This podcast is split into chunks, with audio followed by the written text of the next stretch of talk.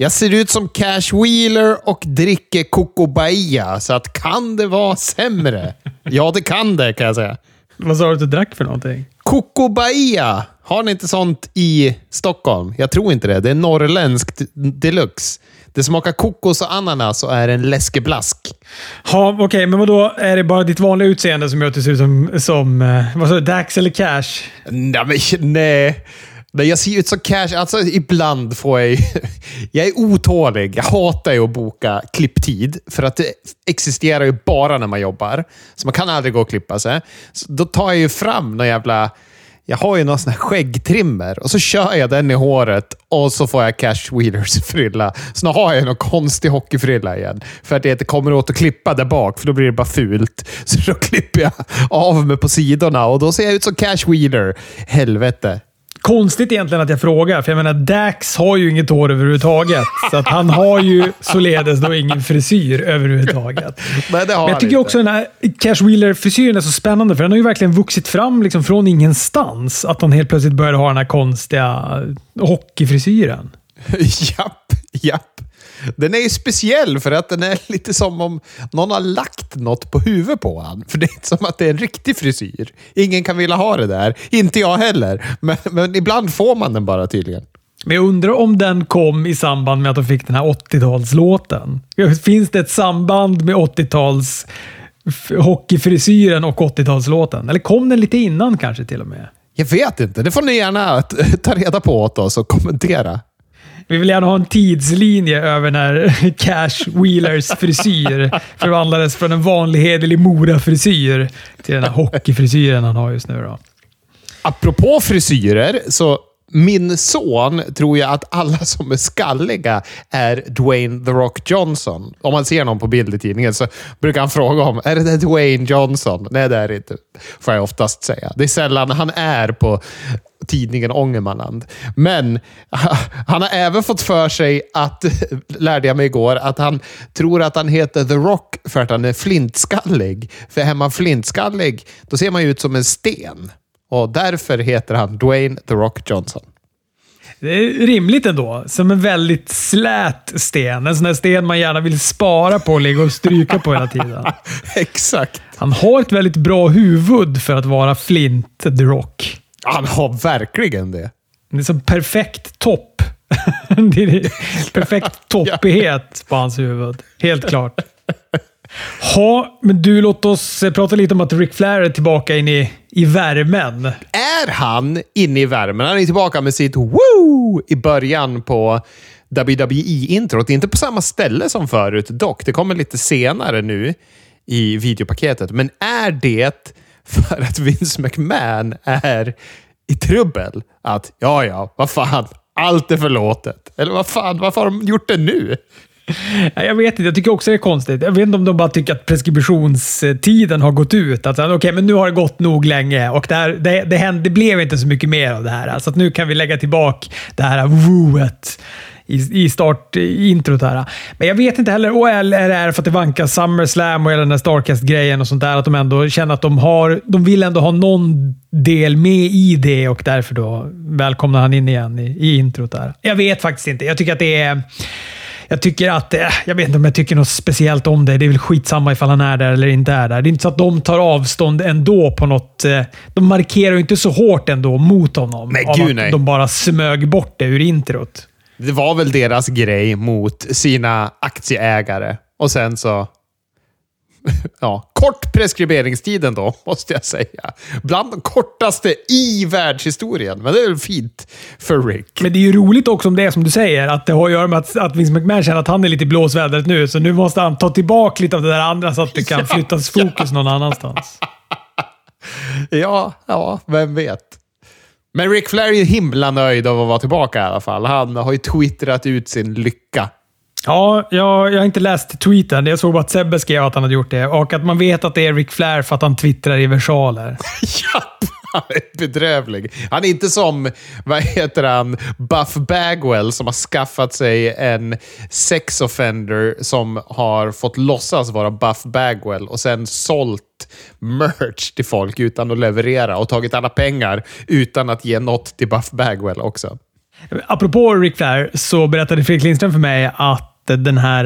Uh, man har kunnat köpa hans uh, last match-gala på fight till den ringa summan av 35 dollar. Men nu är den på rea. nu kostar den bara 19 dollar. Så förmodligen Oj. så gick det väl sådär med förbokningen av den där pay per viewen Jäklar, det är ändå ganska bra matcher på den här galan, tycker jag. Ja, alltså allt är väl typ klart. Allt förutom den lilla detaljen vem Ric Flair ska möta i sin sista match. Det är väl det, det, är väl det enda som de inte annonserat än. Ja, men vad såg jag nu här nyss? Var Briscoes mot Von Eriks bland annat var klart för den galan. Exakt. Du har ju Phoenix och Taurus mot ja, vad det nu var mot för några. Eh, ja, Ray Phoenix, ju... Laredo Kid, Taurus och Bandido. Det kan nog bli ganska bra. Exakt. Ja, men det var mycket bra. Impacts eh, knockouts champion Jordan Grace går mot eh, Duana Porazzo och Rachel Ellering. Ska man en three-way. Eh, vi får Josh Alexander, Impact-mästaren, mot eh, Jacob Fatou. Vad hade vi mer? Vi hade... Vi har ju Motor City Machine Guns går mot de här Wolves, va? Just det! David Richards och Eddie Edwards. Det kan också bli väldigt bra. Ja. Och Killer Cross ska gå mot Davy Boy Smith, vilket känns som en märklig parning. Och eh, Colt Cabana mot Renerita. Ja, nej, men jag tror att det är en bra gala. Eller det hör man ju. Det är ju en bra gala. Men vem ska han gå mot? Vem är Rick Flairs sista match? ja, har de någon bokad? Kanske är det Takahashi. Han ska ju vara på Starcast och han är så ledsen över att han inte fick möta Sting. Nu ska han möta Rick Flair istället. Skulle Sting annars kunna vara ett namn? Han är ju i bra form, Sting. Ja, men tror du inte han tycker det är för pajigt? Alltså, de måste ju hitta helt rätt person för det här. Någon som inte bryr sig om att det blir en skitmatch, men som samtidigt är ett stort namn. Liksom. Ja, och som också nästan ska kunna bära den så att den ändå blir en okej okay match, så att folk inte börjar skandera pengarna tillbaka. Eller är det därför de fyller på med alla de här toppenmatcherna? För att de vet att uh, vi måste göra lite smoke and mirrors här nu, för, för mig eventet kommer vara så jävla uselt. Ja, ja visst. Ja, vi får väl se. 19 dollar är, är den väl värd. Jag har faktiskt inte hunnit köpa den, så att, uh, high five på att jag får lite rabatt där. Jag har inte bestämt mig än om jag ska köpa något paket, för den ingår ju också i något sånt superpaket, men då är det typ 2000 spänn. Jag blir lite snål. Ja, det är mycket pengar för skit. det är också så mycket där. Vi får ju, um, vad heter det nu, Ring of Warner-galan. Är ju, den är i och för sig inte samma helg. Den är väl kanske helgen innan, 23 juli. Exakt. Så är det ju uh, Death before Dishonor. Och vad fan, vi fick ju FTR, eller det lutar väl åt att vi ska få FTR mot Briscoes 2 på den galan. Och jag menar, är den matchen ens i närheten av så bra som den första så kommer det där bli en panggala oavsett vilka de andra matcherna är. Ja, ja men visst. Jag tror, jag tror att den kommer vara bättre. Nu har de ju fått känna på varandra en gång. Nu vill de ju toppa det. Vad är mer klart? Det är Samoa Joe mot Jay Lethal, TV-titeln, och så är det Wheeler Utah mot Daniel Garcia, va? Ja, och sen så kommer vi väl få Mercedes Martinez mot Serena Deeb, va? Lutar mot. Mhm. Mm ja, men de, de taggar ju mot varandra och har lite problem. Den ständiga storylinen i AEW just nu. Ja, men det blir spännande. Det kommer bli en bra gala. Berätta för mig om Under ringen, Nick. Ja, men jag har ju lyssnat på John Moxleys självbiografi Mox och det är han själv som läser in den och han gör ett fantastiskt jobb. Alltså den, det är som att lyssna på när han gör sina bästa promos och är på lite så här skojfriskt humör. Han är bara fantastisk. Han, han läser den så otroligt jävla bra. Eh, men när jag och vår kära Anders och Sundsvalls Billy Gunn kollade på AEW, när vi fick se Claudio peka på kameramannen, så vad heter det, höll vi på och spekulera kring eh, att vara under ringen på galorna. Och då sa Anders att WWE har någon som alltid är under ringen, jämt, som ligger där. Och då bara skrattar vi åt honom. Att så kan det inte vara. Man kan inte jobba med att ligga under ringen. Och då backade han lite och sa att jo, men, ja, men det kanske är alltid när de har någon som ska dyka upp under ringen. Då har de en till där. För jag vet att de är inte ensam där då, utan det är någon med en monitor där och ser till att de liksom har det bra. Men de har ju en kille som heter Nick, som bor under ringen. Nej. som är där hela galorna. Som ser till att flytta fram vapnen och lägger dem som ligger där. Att, till exempel på Raw nu när Aska ska in och hämta ett bord. Då ser han till att vad heter det, sufflera fram det där bordet så det ligger där hon kommer. Han håller koll på monitorn. Och om det är ett bord som ska gå sönder, alltså ett kommentatorsbord, då kryper han ut under apron och så drar han ut en sprint och sen kryper han tillbaka. Eller så kryper han ut och sätter i lite extra sprintar så det där bordet ska vara stabilt så det inte ska gå sönder för de ska göra en spot när de ska stå på det. Och så vidare. Det är Nick som bor under ringen. Det där låter ju helt sjukt. Alltså för det första så låter det helt alltså som att det är vansinniga arbetsförhållanden. Kan du tänka dig vad varmt och jävligt och framförallt Ja. vad högt det måste vara att ligga där under ringen. Varje gång som någon du vet, kommer ner på mattan så det bara smäller sådär. Ja. För det låter ju ganska bra. Ja, gud ja. Men fan, prata om det när han eh, cashar in money in the bank, tror jag. Eller om det är bara att han attackerar Seth när Seth har vunnit money in the bank. Jag kommer inte riktigt ihåg hur det är, men då kommer han ut från under ringen, Moxley. Och då har han smugit dit med ringcrewen med en hoodie och låtsas vara en ringcrew. När de håller på runt ringen då bara glider han in under. Och då låg Nick där som vanligt med en vattenflaska och en monitor och väntade på honom. Och då förklarar han de här arbetsuppgifterna som Nick under ringen har. Men okej, så då är det Nick vi ska skylla på. För ibland så ser man ju att de öppnar, drar upp eh, under ringen. Där, Ja. Vad heter det? Draperiet som går runt ringen. Där. Det är säkert inte ett, ett adekvat ordval för att beskriva vad det är för någonting. Vi säger skynket. Skynket är ett bra ordval. Dra upp det skynket och så vet man att de letar någonting. De har något speciellt. Det ska vara en stol kanske eller något sånt där. Jajamän. Men så hittar de det inte och så går de till andra sidan och lyfter upp där och så hittar de inte där heller. Är då har under ringen Nick somnat där under då? Eller att han har panik och vet inte var det finns? Nej, men då har ju han lagt det på exakt det stället som Vince har sagt och så är brottaren förvirrad antagligen. Och då kan han antingen flytta runt det då, eller se till att det ligger kvar ifall brottaren redan är på väg. Det där skulle ju eh, vara ett jobb jag skulle kunna utföra. Om jag någon gång vill börja jobba för WWE så skulle under ringen Rob kunna vara ett jobb för mig. Vad vet vi om Wrestling Entertainment Series? Ja, inte serious, va, utan series. För, ser, för serious var de fan inte. Jo, men det är väl, vad heter det, Authors of Pain. Hette de det? Jag tänkte säga att de hette Taka och Razor, men det var ju de här två mutanterna i den andra Turtles-filmen. Eh, Jag kommer inte ihåg vad de hette. Akam och Razor. Vad hette de? Ja, men de heter ju Authors of Pain i alla fall. Men jag kommer inte ihåg vad de heter individuellt, de där två. Men är det de som har det här förbundet, eller?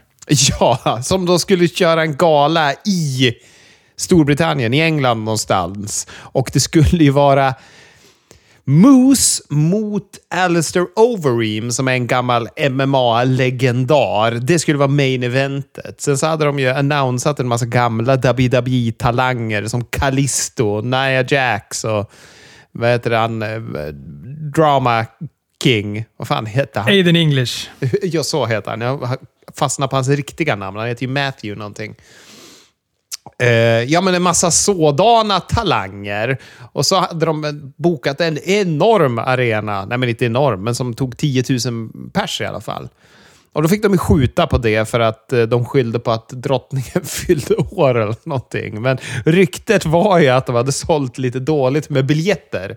Så då flyttade de till ett mindre ställe som tog några färre tusen. Eh, sista biljettförsäljningssiffrorna som var här för några dagar sedan hade de sålt 385 biljetter. Det känns som att jag skulle kunna sälja 385 biljetter på att stå och, och eh, rappa på en scen här nere i Härnösand. Om jag hade kämpat. Så jag vet inte hur duktiga de är på att sälja egentligen. Men 385 biljetter hade de sålt. Och i, vi spelade in det här på en torsdag. Undrar om det var igår onsdag som de släppte att de ställde in galan. Och då skyllde de på att det var så många talanger som inte skulle dyka upp, så de kunde inte genomföra det. Men visst var det det här som han, Aiden English, hade twittrat ut någonting om också, va? Inför det här? Ja, han hade ju twittrat ut att han hade mm, motvilligt tackat ja eftersom det var bekanta som anordnare. Så han hade ställt in bokningar han redan hade för att vara schysst och vara med på den här galan. Men han fick ingen eh, flygbiljett, inget hotell bokat. Det kom ingen förskottsbetalning, ingenting. Och eh, han säger också att eh, det var många som hade liknande erfarenheter. Och Nia Jax hon har sagt att hon har tackat nej, att hon ska ta bort henne från affischen. Men det sket de i och namedroppa henne även här i ursäktsmeddelandet. Men det var ganska mycket namn. Jag får mig att hon, eh, vad heter hon, fru, eh, fru Miro? Eh, just det, vad heter det? Lana? CJ Perry heter hon va? CJ Perry, just det. Ja, exakt. Ja. Jag får att hon också var med på affischen där. Och Mojo Rawley var med också va? Jajamän! Ja, och Mojo Rawley är kung. Vi ska komma tillbaka till honom om det här sen. Men det här måste ju varit den dyraste Indiegalan som aldrig har blivit av på något. Alltså, jag förstår inte hur de skulle trodde att de kunde få det här att gå runt. Det är jättekonstigt. Nej, också att den är i, i Storbritannien. Det krävs en del för att flyga dit alla wrestlarna också. Det måste ju vara oerhört kostsamt att driva runt det här. Ja, verkligen. Och det är som sagt ingen av brottarna som har fått betalt, vad det verkar som. Och eh, för någon som är en indiebrottare så då tappar de ju en helg med inkomst eftersom då kan de inte ta andra bokningar. För det skulle ju gå nu, den här helgen, den nionde, va, skulle den gå av.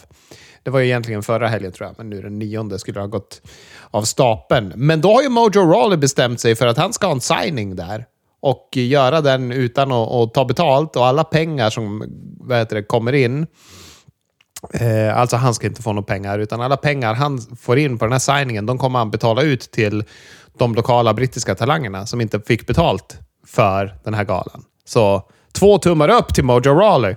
Synd då kanske för de här indiebrotten att det inte är Sting. Eller någon sån där. Jag menar, absolut Mojo Rawley, men det kommer ju inte, kommer inte vara jättelång kö tror jag. Det är nog mer kö till GKs.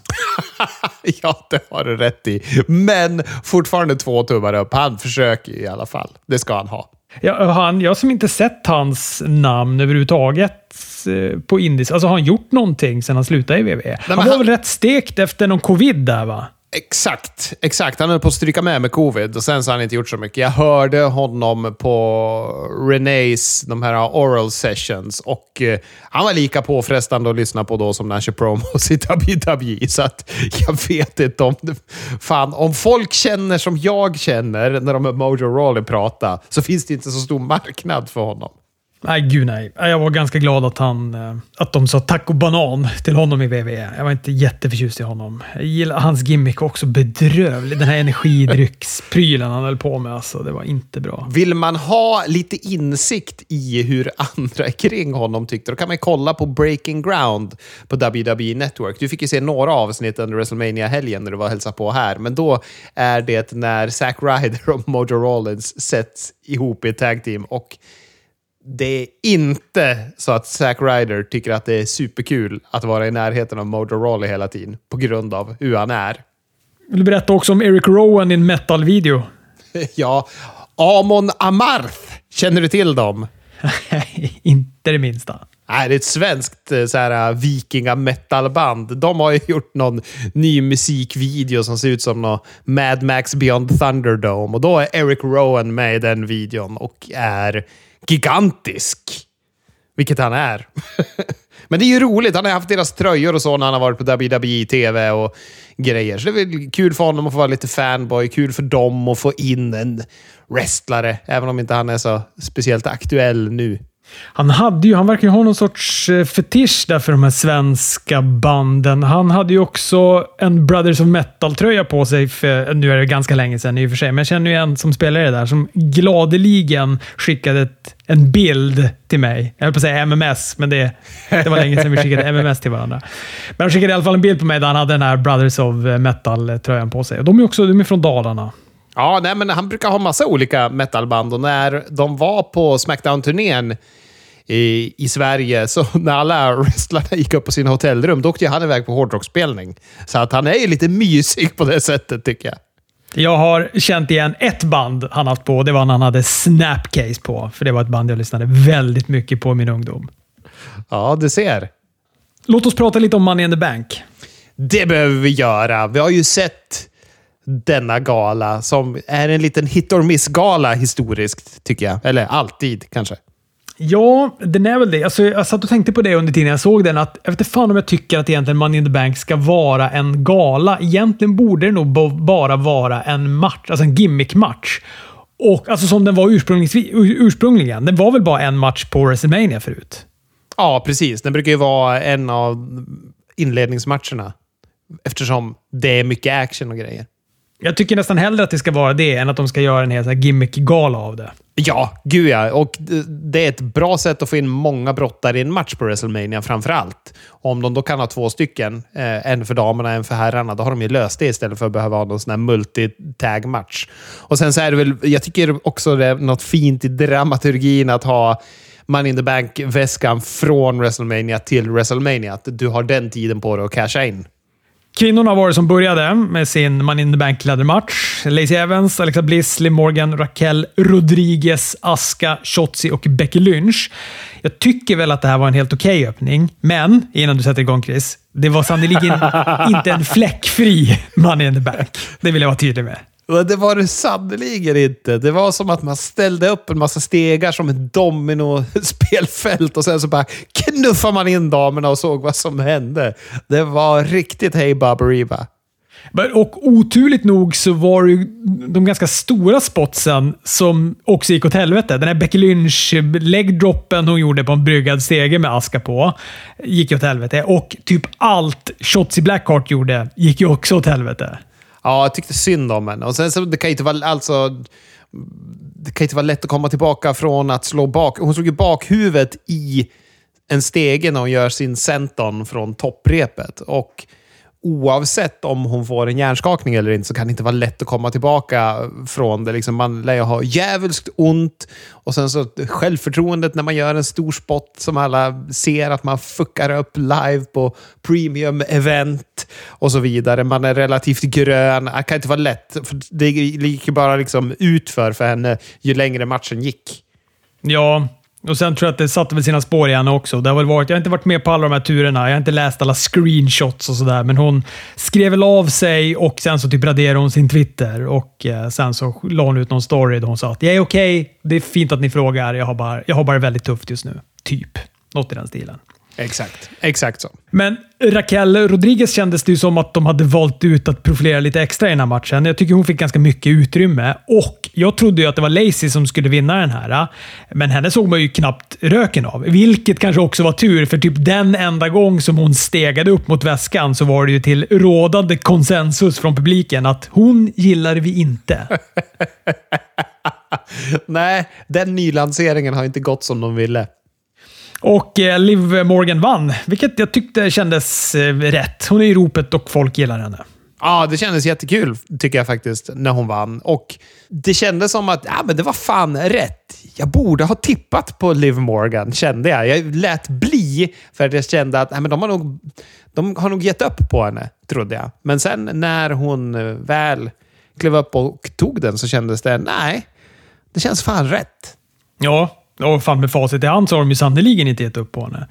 Nej, verkligen inte. Vi fick också US-titelmatchen då, Bobby Lashley mot Theory. Den vann Lashley. Jag tyckte att det kändes lite otippat att Lashley gick och vann den här. Theory är ändå ung och framtid och pushas. Och... Eh, ja, jag vet inte. Lashley behöver väl den här titeln för att han ska känna sig relevant. Jag tycker att de har ju lite svårt att hålla fast vid honom när det börjar rulla för honom. Alltså Det känns som att det har funkat bra. De har liksom pushat upp pushat upp honom. Publiken har börjat gilla honom, men sen är det som att de inte riktigt vet vad de ska göra med honom. Och så slarvar de med bokningarna och så faller han lite. Här är ju för sig älskade ju publiken honom. Han var ju svinöver. Ja, ah, gud ja! Så otroligt över. Det är som att nu har vi inte Cody och eh, heja på, så nu har vi valt dig, Bobby Lashley. Nu är det dig vi älskar. Ungefär så kändes det i den här matchen.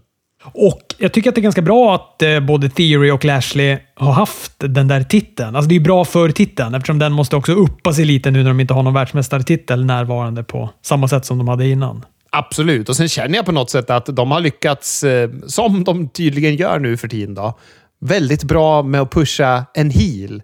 Theory. Han har ju liksom tagit sig förbi det där skiktet. Han är ju långt över sådana som eh, vad heter han? Bad Bunnys tag team partner. Judgment Day-snubben som jag tycker om. Damien Priest. Fint att han blir reducerad till Bad Bunnys tag team partner. Det var en lång, lång väg runt via Bad Bunny. Jag har sett brottas en gång, typ. Theory är ju långt över Damien Priest i vad heter det, rankingen, om man så säger. De, jag tycker de har lyckats väldigt bra med Theory och Theory känns så otroligt självsäker i alla segment. Så att eh, honom kan de lätt få lyfta upp till det övre skiktet. Eh, Bianca Blair och Carmella, ytterligare en världsmästarmatch. Den vann Bianca, en av de kanske mest väntade resultaten. Ganska platt match, tycker jag också. Den var liksom inte ens konstruerad som om Carmella hade en chans. Det var inga near falls överhuvudtaget, utan Bianca vann på en KOD och det var det. Ja. Ja, den var verkligen bara där. Sen var det då den här Undisputed Tag Team-titelmatchen. Usos mot Street Profits. Den här matchen fick ju oerhört mycket tid och initialt så kände jag mig lagom entusiastisk. Jag, man har ju sett den här parningen. Vi har sett alla de här singelsmatcherna på Raw, på Smackdown, fram hit, fram och tillbaka. Det i kombination med att resultatet kändes ganska självklart. Att Street Profits inte kunde vinna den här matchen. Eller i alla fall inte vinna titlarna. Men jävlar vilken match det var. Alltså, jag tyckte att det här var galans absoluta höjdpunkt. Och jag tyckte också den växte något enormt under matchens gång. I slutet så var jag lika engagerad som den här publiken och for upp och ner i soffan efter alla nerfalls och sådär. De, mig vann de över totalt. Ja, jag tyckte också att den var bra i slutet, men jag tycker den var för lång och jag tycker att de kunde ha skalat av mycket i mitten. Men jag, likt dig så var jag helt med i slutet och då kände jag bara fan, det är ju en bra match ändå. Och drogs med i, i handlingen och i actionen som var i ringen. Men den var fan i längsta laget. Det är som att de hade det var där Edge skulle brottas egentligen. Men nu är ju inte han här, så då får vi ge någon annan den alldeles för långa matchen. Ja, jo, men den var, den var väldigt, väldigt lång. Och då var ändå det här inte en så lång gala, så de hade ju verkligen tagit i, i underkant med antal matcher. ja. Japp. De ville väl få den klar till den här UFC-galan som var också i Las Vegas. Ja, exakt. Men Usos vann och är således då fortfarande dubbelmästare. Men det verkar som att det blir en match till, för efter så visade de ju då tydligt att Montesford inte hade axlarna helt tryckta mot mattan när han blev pinnad. Så SummerSlam antar man väl? Det antar du nog med rätta. Då kanske också dags för Street Profits att eh, vinna. Ta titlarna. Ja, det vore nog bra det. Om de inte bryter upp dem. De hade ju på Smackdown hade de en liten tätt i ringen där Usos insuerade att det var sprickor mellan Dawkins och eh, Montesford. Och sen har det tisslats och tasslats lite om ett uppbrott och att de ska satsa på Montesford som eh, singel. Det längtar man ju efter när de gör det också. Alltså, han kommer vara så bra. Jo, men det är väldigt dubbelt här. För Dawkins, han kommer ju gå ett hemskt öde till mötes. Alltså hemskt. Vi pratar ju Tucker-öde. Alltså Heavy Machinery Tucker-öde.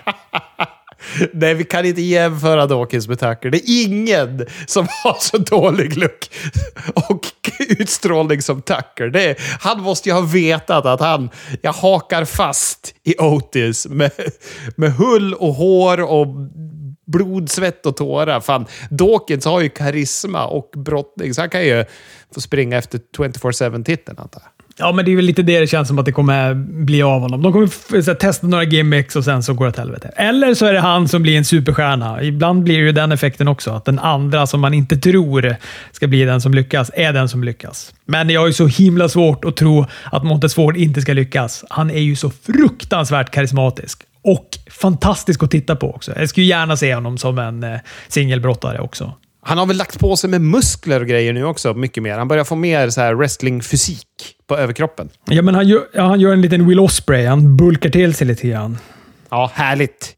Smackdown världsmästartitelmatch. Ronda Rousey mot Natalia var en eh, ganska trist match tycker jag. Väldigt koreograferad. Absolut inte dålig, men platt och tråkig.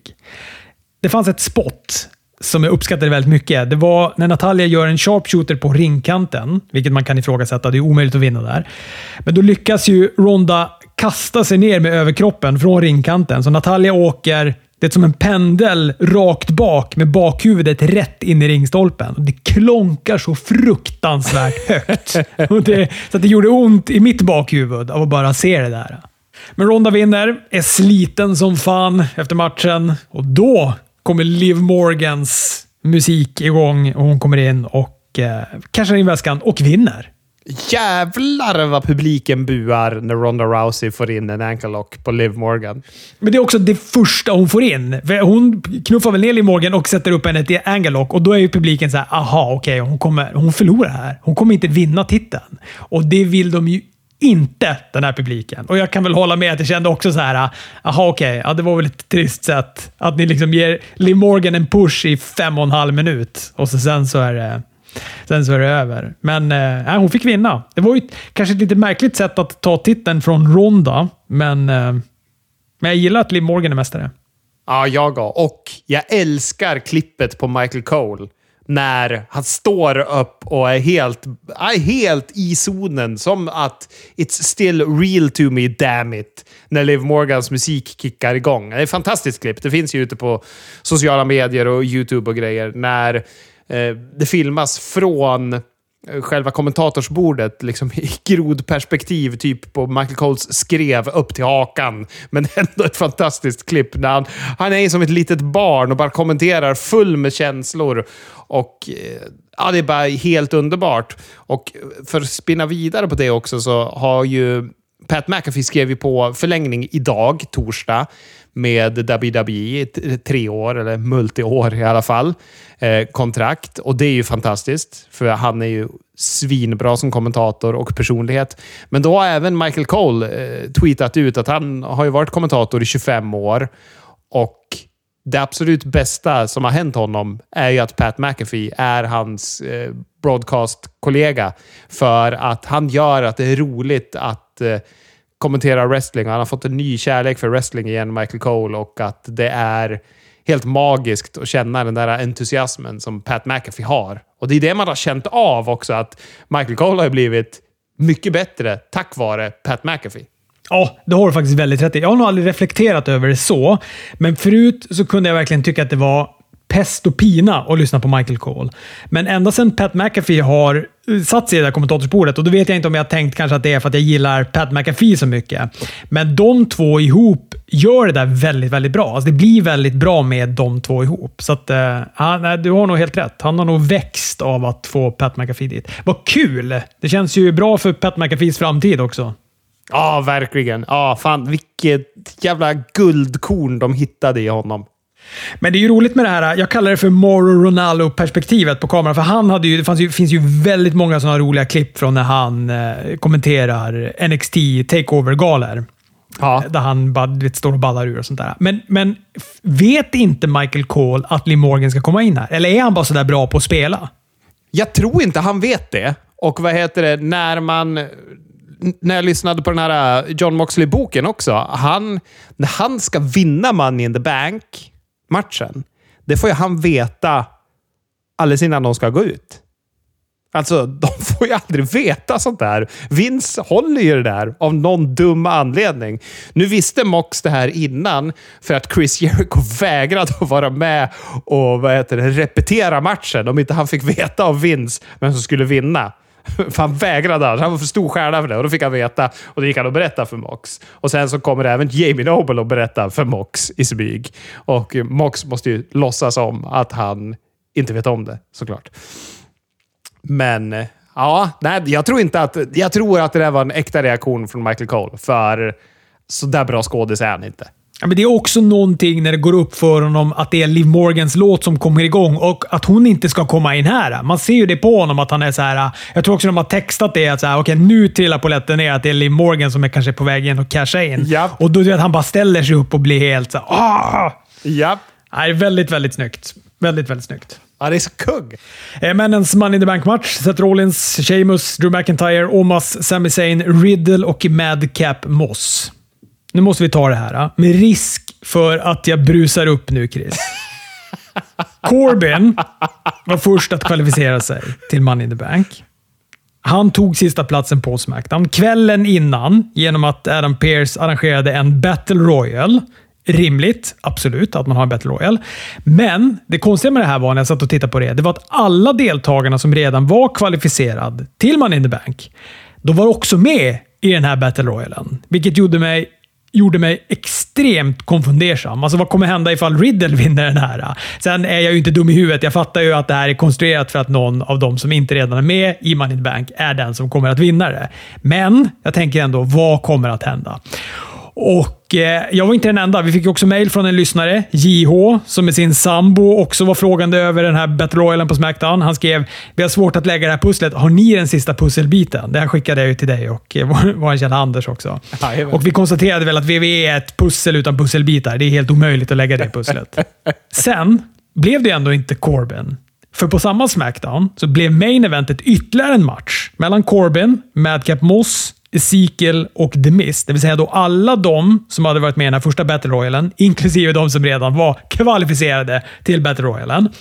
De gick en match som gällde då den sista platsen igen, som Madcap eh, Moss gick och vann. Så det var ju därför han då hamnade här på, eh, i Money in the Banken. Och jag hade ju då önskat att min långa diskussion med Sebbe hade fångats i den här podden. För han är ju så lugn och saklig och jag är ju så jävla känslostyrd så jag brusar ju upp och bara skriker.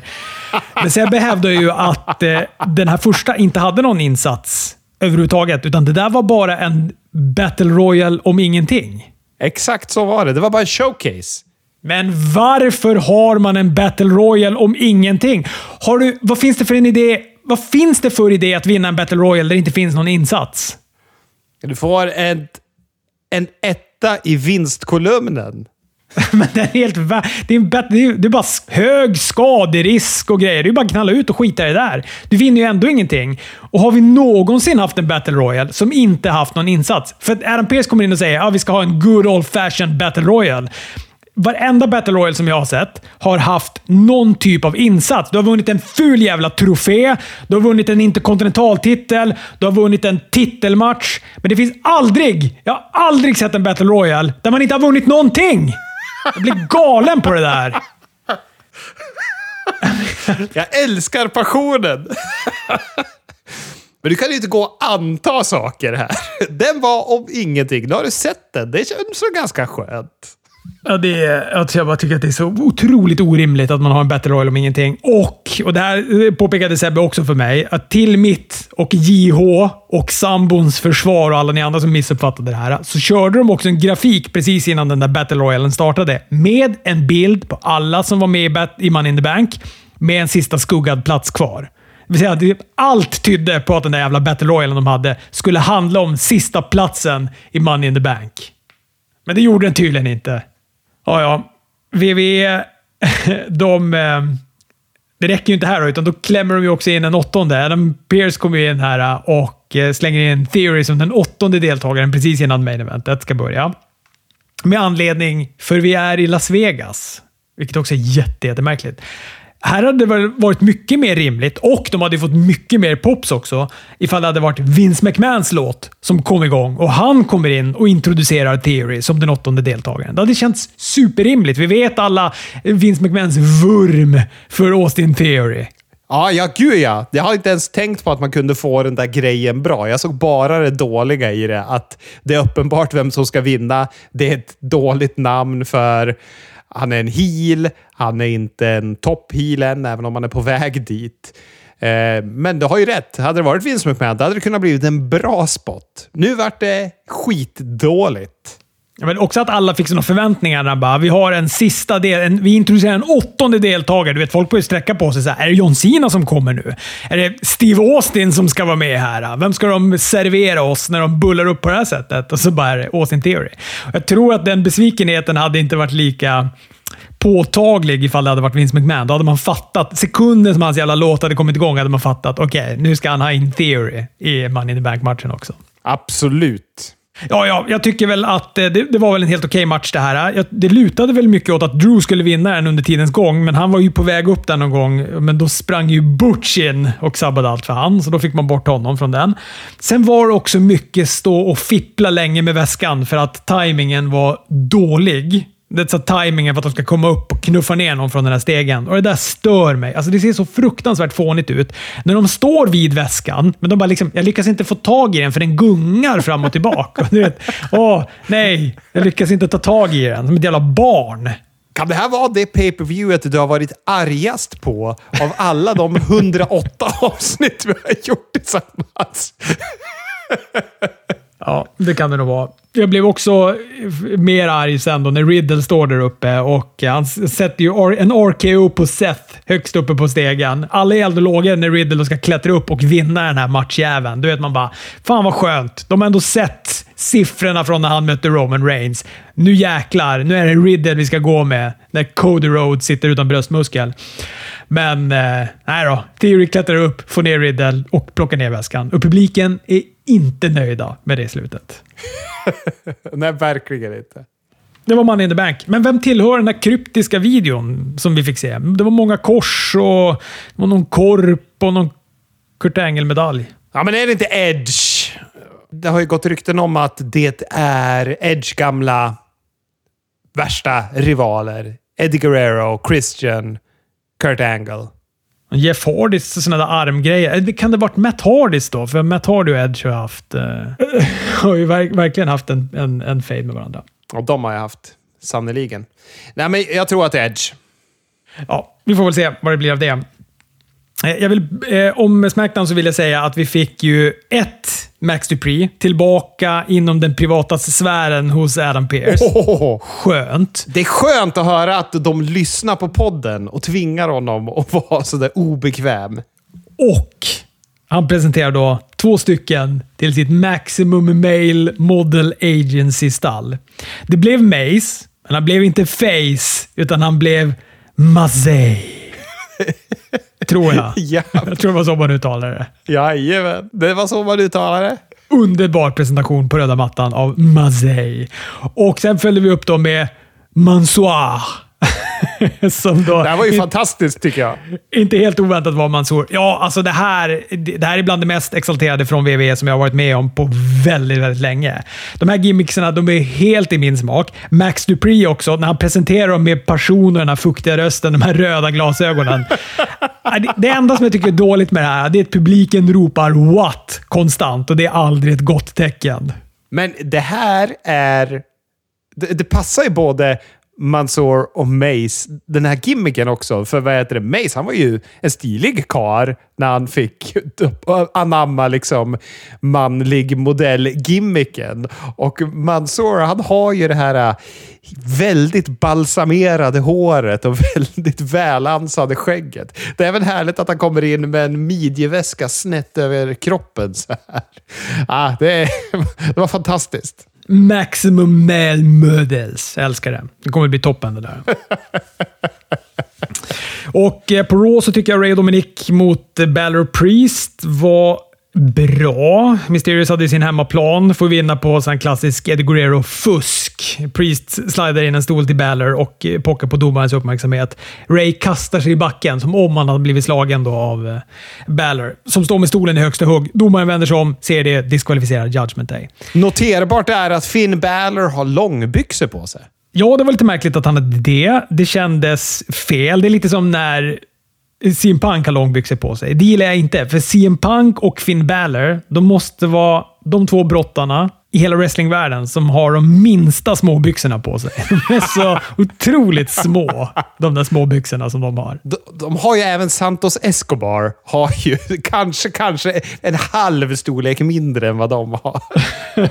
Du menar att han toppar? Ja, ja gud ja. Hans gluteus maximus, den kan du studera muskelfibrerna på.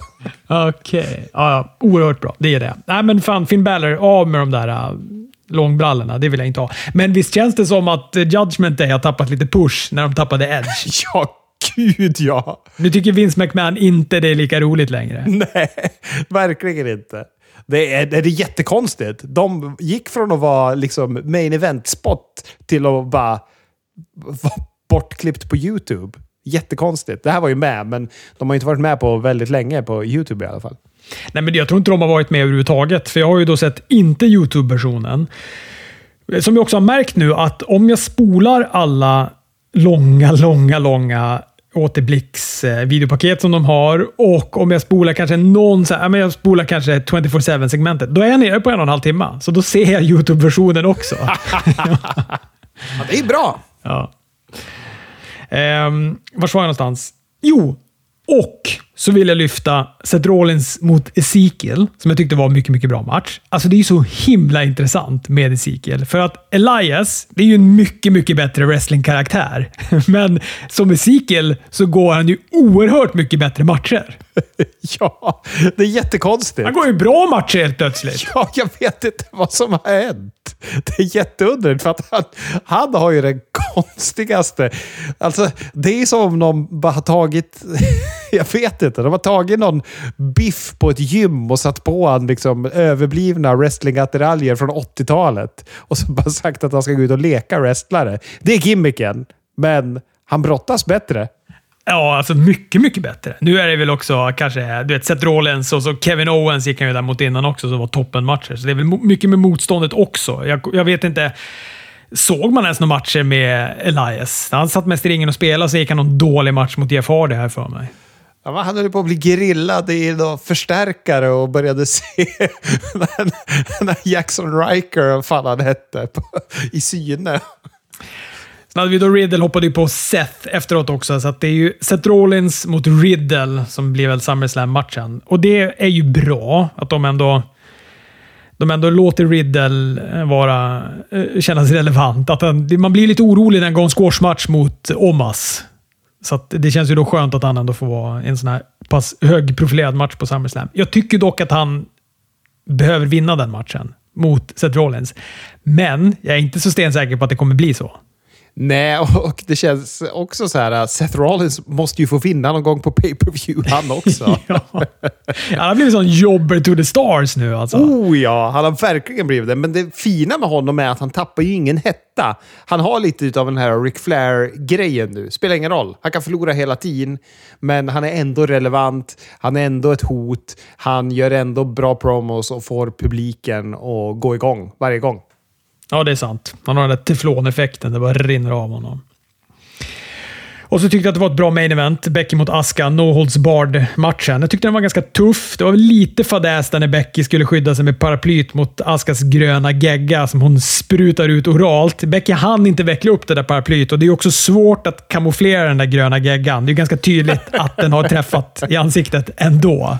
Men den penetrerade väl inte hornhinnan och det är väl det som är den svaga punkten. Får du det i ögat, då är du stekt. Men här lyckades hon väl. Bara får den överallt annars, men inte ögat. Men Becky vann på en manhandle slam på Aska genom ett eh, bord från andra repet. Hon hade fått bordet från Nick under ringen. Och när det gäller AW så tyckte jag att den här uh, Royal Rampage-gimmicken på Rampage, 20 pers, två ringar, vinnaren får en titelmatch mot Mox. Det tyckte jag var ett kul tilltag. Jag tyckte den var jätte, jättebra. Och jag tycker också att det var spännande att vi fick en sån oväntad vinnare i Brody King. Ja, jättekul på många sätt. Det kändes ju lite som World War 3-galan som eh, WCW körde. Då har jag för mig de hade tre ringar. En av de första wrestling-VHS-erna jag någonsin köpte. Det var World War 3 93 eller någonting. Jag kommer inte ihåg. Det var någon gång på 90-talet i alla fall. Men det kändes ju som en throwback till, till WCW och jag tycker om det där när man har att det kan vara olika storylines i de olika ringarna och olika som kan få dominera och man blir väldigt spänd på vem som ska vara kvar i slutet. Samt att jag tycker den var jävligt snyggt bokad för de man trodde skulle vinna började åka relativt tidigt ändå. Ja, men jag håller med. Jag, jag, tycker att det var väldigt många grejer som var snygga. Jag gillade också Hangman Adam Page och John Silver när de höll på att reta en sån här klassisk Battle Royale-kniv i ryggen på en vän på varandra. Det var väldigt snyggt. Och eh, Max Caster, han rappade om Tony Khans kram. Väldigt, väldigt roligt. Rouge såg väldigt bra ut här tyckte jag också. Och Penta tog ut Rouge på ett väldigt innovativt sätt. De höll ju på att gnabbas där på ringkanten, på marginalen. Det har vi sett tusen gånger. Men sen så skickar ju då Rouge en spark mellan benen på Penta så han faller. Men i fallet, i sista sekund, så bara tar han tag i Rouge hår och drar med han ner eh, i fallet. Och eliminerar han på det sättet. Det var toppen. Jag har aldrig sett förut. Ja, det var kung. Det var väl Butchers tofsar på bootsen som var det, det enda bedrövliga med den här Battle Royalen. Ja, de är ju kvar också. Ja, vad fan är det där?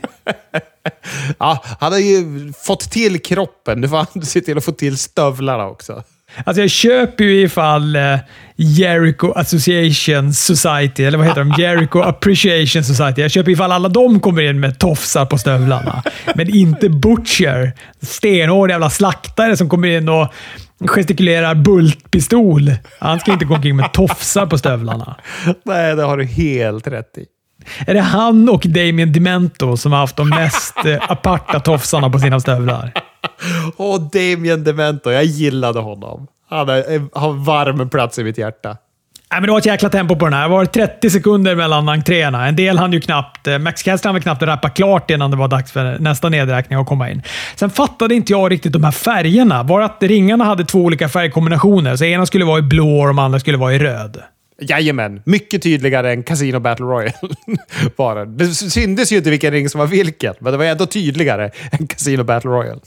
Och eh, det gick ett jävla drag i publiken när eh, Hangman Starks och Brody King var kvar i ja, en av dem, röd eller blå. Och Hangman får ut Starks och så, är han i Buckshot Lariat-position och då bara rusar Brody King rakt över Hangman så han flyger rätt ut och elimineras. Jajamän, ja, det var coolt. Och andra ringen så tar Darby ut Butcher och Blade, som fick se ganska tuffa ut. De fick ju ta ut ganska många Butcher och Blade. Det kändes som att de byggde upp dem. Ja, även vad heter det, kommentatorerna byggde upp dem väldigt eh, mycket, tycker jag. Och eh, Brody kastar sen runt på Darby ett tag när de två är kvar i slutet. eh, Sätter en kanonkula i ringhörnan och sen stryper han ut Darby på ringkanten och bara släpper ner han. Det var otroligt snyggt i slutet. Så jävla snyggt!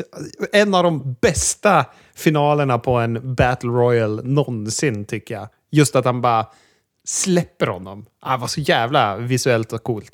Ja, svinkul och jag blev väldigt glad när Brody King vann den här. Jag trodde ju att det skulle vara Darby, eller i bästa fall tänkte jag okej, de kanske låter Rouge vinna den. De vill ändå ha någon ny som ändå ska pushas upp lite grann. Men att det fick bli, eh, eller sa jag Darby? Att det fick bli Brody som vann, eh, det, det såg jag inte komma någonstans. Men skillnaden här också, jag tänkte på det när jag såg på den här Battle Royale. Och så jämför man till exempel Royal Rumble, eller när de har haft Casino Battle Royals i AEW. Det var att här var det många som kände som att de skulle kunna få vinna. Till och med en sån här som, vad heter det, eh, Dante Martin skulle ju kunna vinna, för han har ju en svit av matcher mot Moxley. Darby skulle kunna vinna, Hangman skulle kunna vinna, Rouge skulle kunna vinna. Eh, det, var, det var fan många som skulle kunna legitimt vinna den och det kändes också kul. Penta skulle kunna vinna och ja, fan roligt. Men undrar om det också har någonting att göra med att man visste att insatsen var att vinner du så får du en titelmatch mot Mox några dagar senare. Den sker ju på onsdagen den här titelmatchen. Det är inget långt bygg. Alltså det kommer inte vara så här, okej, okay, då har du förtjänat en titelmatch på nästa pay-per-view. För då blir det genast att man tänker alltså automatiskt att det blir, ja men då är det Hangman som vinner den. Men nu var det som att så här, man vet att det här är bara en brottare som ska matas till eh, den som vinner den här kommer absolut inte ta titeln, men det ökade ändå spänningen för att då kunde man ändå få fram någon av de här lite mer otippade vinnarna. Precis. Ja, Jag tycker det var jättebra, jättespännande. Ja, svinkul. Det kändes lite som en pay-per-view-fredag. Ja, verkligen. Jag gillar det där konceptet. Jag tycker att varje gång som de har haft en Blood and Guts, eh, när de har tryckt in de här jävla två ringarna, kör också då en eh, Royal Rampage. Jag håller helt med. Men vi fick en ny mästare på Dynamite i Wardlow som tog TNT-titeln av Scorpio Sky. Det var väl en eh, spänstig match. Inte allt för lång, men eh, kanske, kanske i, i längsta laget för Wardlow. Jag tror inte han kan gå mycket längre matcher än det här, å andra sidan. Men han har ju aldrig varit så över som han var nu i onsdags. Alltså, publiken ville verkligen att han skulle vinna den där titeln. Det var, ja, det var grymt tycker jag. Jättebra publik och superbra moment. Jag är helt nöjd med att han tog titeln från Scorpio Sky som inte verkar liksom få fäste ändå i publiken. Nej, och likt att Bobby Lashley tar US-titeln så tror jag att det är bra för TNT-titeln att de hänger den på Wardlow. Han, har- hans, hans kurva har ju varit lite sisådär. Det började ju väldigt, väldigt bra och sen var det som att den här MJF-prylen stal hans åska och så hamnade han lite längre ner. Men nu känns det ändå som att de kan jobba upp honom igen med, med, i och med TNT-titeln här. Ja, ja verkligen. Men jag håller med, publiken gjorde ju det också. De uppade ju det här ett, ett steg till. Ja, när han satte den här Swantomen och sen satte igång med sin Powerbomb-symfoni, alltså, då var de ju helt extas, publiken. Ja, ja riktigt kul. Men de här statisterna som plötsligt var en del av American Top Team, vilka var det? Ingen aning. Det känns som att de måste ha varit lokala jobbers på något vis. Ja, men det kändes som att det var killarna som var i den här vaktstyrkan några veckor Ja. tidigare som höll på med Wardlaw. Ja, det, alltså jag har ingen aning. Ingen aning. Men vart var alla de här riktiga MMA-fightersarna? De hade väl kunnat vara med där? Och de kan inte ta bumps, vet du. Nej, så ville de kanske inte se dåliga ut när, när Warlow släcker dem en efter en efter en. Men det här gjorde ju ingenting. Alltså, jag tycker inte att det adderade någonting. Det hade inte ens behövt vara en street fight där. Det hade kunnat bara vara en vanlig TNT-titelmatch. De hade inte behövt ha den extra stipulationen och de hade inte behövt ha med de här jävla statisterna. Det räcker med att Dan Lambert och Ethan Page är med där och håller på att stöka. Jag tror att de behövde dem för att det skulle se ut som att Wardlow skulle förlora. Eller kunde förlora. För hade det varit en vanlig match då Eh, skulle det se ut som att han antingen skulle vinna på diskvalifikation eller bara vinna. Att Scorpio Sky inte hade någon chans. Jag tror att dramaturgiskt var det nog bra, även om det är liksom lite fånigt. Christian fortsätter sin resa med att vara så heal som möjligt genom att söka reaktion. Den här gången drar han upp Jeff Hardys beroende när Matardi kommer in och stör hans promo med Luchasaurus. Det var elakt. Han pendlar ju lite mellan att säga bra fräna grejer, men att sen blir han också så här gammal VVE... Han blir lite VVE-healig i sina glosor. Och det tycker jag är både bra och dåligt. Alltså det är bra när han är bra, men när han kör de här VVE-klassikerna, då blir det dåligt. Ja, jag tycker jag är nog bara hög på honom just nu. Jag tycker det är fantastiskt. Jag tycker att Matt Hardy är trist. att det är han han ska hålla på och fejda med när Jungle Boy är skadad. Visst känns det också lite konstigt att det var... Vi, vi har väl ingen... Jag har inte sett någon relation mellan Jungle Boy och Matt Hardy. Snarare tvärtom. Han var ju heel. Han har varit heel jättelänge med Hardy. Det tog han ju för sig upp och sådär, men ändå. Fan. Du vet jag, ta tillbaka Marco Stanto för en månad. Men du, du nämnde det ju i förra podden. Otroligt mycket Kane över Luchasaurus-musiken alltså. Eh, Rouge och Pentaoskyro hade en bra match och main eventet då var ju också toppen. Jag tycker att både Rouge och Brody Lee såg väldigt bra ut. Alltså de hade packat, att, av att de hade packat in dem i de här uh, respektive matcherna var ett bra drag av Tony Khan. För det kändes som att det uppade både Rouge och Brody Lee väldigt, väldigt mycket. Nu gjorde du som JR och kallade Brody King för Brody Lee. Ja, ja, ja. Jag, jag, jag tänkte flera gånger också på att han gjorde det och att Excalibur fick rätta honom. Och han sa “Oh, sorry, sorry, sorry”. Ja, Brody King, ja. Så heter han ju. Annars så tycker jag att det var en del som var svajigt eh, på Dynamitet. Eh, det är en del segment som känns ganska otajta. Jag vill börja med att lyfta upp eh, Ruby Soho och hennes backstage-segment där. Där Ty Conti slänger igen en dörr över hennes arm. Absolut, det är effektfullt och healigt och sådär och hålla på med det. Men hon, varför stod hon bara där vid bildörren? Det var ingen som höll i henne eller någonting. Hon bara stod där. Och sen på replik då bara satte hon sin hand i öppningen och Tai Conti drar igen dörren. Dumma, dumma Ruby. Det är bara att gå därifrån. Ja, det, det tänkte jag faktiskt inte på. Nu vill jag ju gå tillbaka och titta på det här. Det låter ju fantastiskt.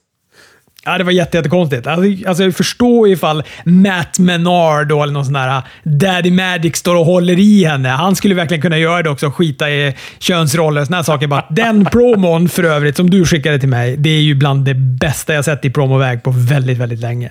Kul att de tog från den promon. Det här är ju någonting som någon har filmat backstage med en ny iPhone, ser det ut som. För det är väldigt mycket cinematiskt läge på när de filmar på, på vad heter det, Summertime Matt, som jag väljer att kalla honom jämt. Eh, när han kör en promo om vad man måste offra för att vara en wrestlare. Han pratar om hur han inte fick se när hans son tog sina första steg och så vidare, men att det är det man behöver offra. De klippte ju lite av det in i promon som var kring Blood and Guts, där det även var klipp ifrån alla andra som var med i matchen i stort sett. Men det där var inte tänkt att vara på tv tror jag, för den där videon skickade Chris Jericho ut på Twitter, för någon annan hade delat den och då twittrade Jericho ut den och taggade Tony Khan att fan, det här är ju fucking amazing. Titta på det här. Ja, men den är riktigt, riktigt bra. Jag blev så glad när det var första sekunderna från den, för då tänkte jag okej, nu får vi hela den här. Ja. Den var typ fyra minuter lång också. eller något sånt där. Men, eh, men då hade de klippt in en massa annat där igen också. Och absolut, det var också bra. Men när man vet hur bra den är med bara Matt Menard, så kände jag att jag vill inte se egentligen någonting annat. Jag vill bara se den igen. Så att, eh, den kan, tycker jag verkligen man ska gå in och titta på. Det som var intressant var ju dock i det här videopaketet de hade gjort. För då tycker jag att det var just vad heter det, Summertime Matt och sen så Angelo Parker som gjorde de bästa klippen också i det här. För Angelo Parkers var ju också fantastiskt bra. Fy fan vad de är bra när de är seriösa också. Och vad de har hittat sig i det här Jericho Appreciation Society på något sätt. Det är ju fan fantastiskt. Och Dark Order. Absolut. Det är gulligt med barn. Men de ska inte vara med på Dynamite. Han ska ju vara i förskolan, den här Eller han kanske är för gammal för det. Jag vet inte hur gammal man är för förskolan.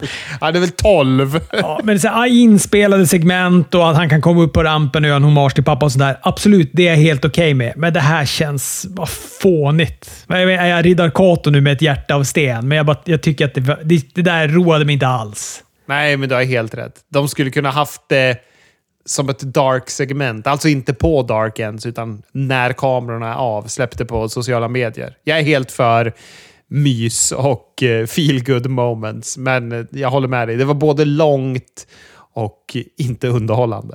Vi fick ju för sig en tioårig storyline. Vad sa han till QT? Att jag ska ta dig men jag väntar till jag blir 18. Och om han då är 8-9 år så är det väl en 10 år kvar innan han är 18. Så att... Han kan inte vara 12 år gammal, Chris. Är han 12 år gammal? Han ser ju jätteliten ut. Jo, jag tror han är 12. Jag kan ju inbilla mig, men eh, vi, vi kan, jag, kan, jag kan surfa reda på det medan du går vidare här och pratar om Assboys eller någonting. Han är nio! Han har nio har jag surfat reda på. Nej, tio! Tio! Där jag läste en artikel från 2020 när han var åtta. Då måste han ju vara tio nu. Min matematik är utmärkt. Okej, okay, då korrigerar jag. Vi får en åttaårig storyline då. När han säger till Cutie Marshall att jag, jag ska ta dig men jag väntar till jag är 18 år gammal. Fast han sa 19. Ja, oh, okej okay då. Nio år. nu ska vi prata om pappa Ass. Ja, det här är ju en av de bästa storylinesen som AEW har. Man är engagerad i det där. Visst är man det? Ja, men jätteengagerad. Jag tror att jag sa förra veckan, eller om jag, jag vet inte om jag uttryckte, men jag hade i alla fall skrivit upp att jag inte riktigt var så jätteförtjust i att de splittar upp den succén som är mellan Acclaimed och eh, Ass Boys.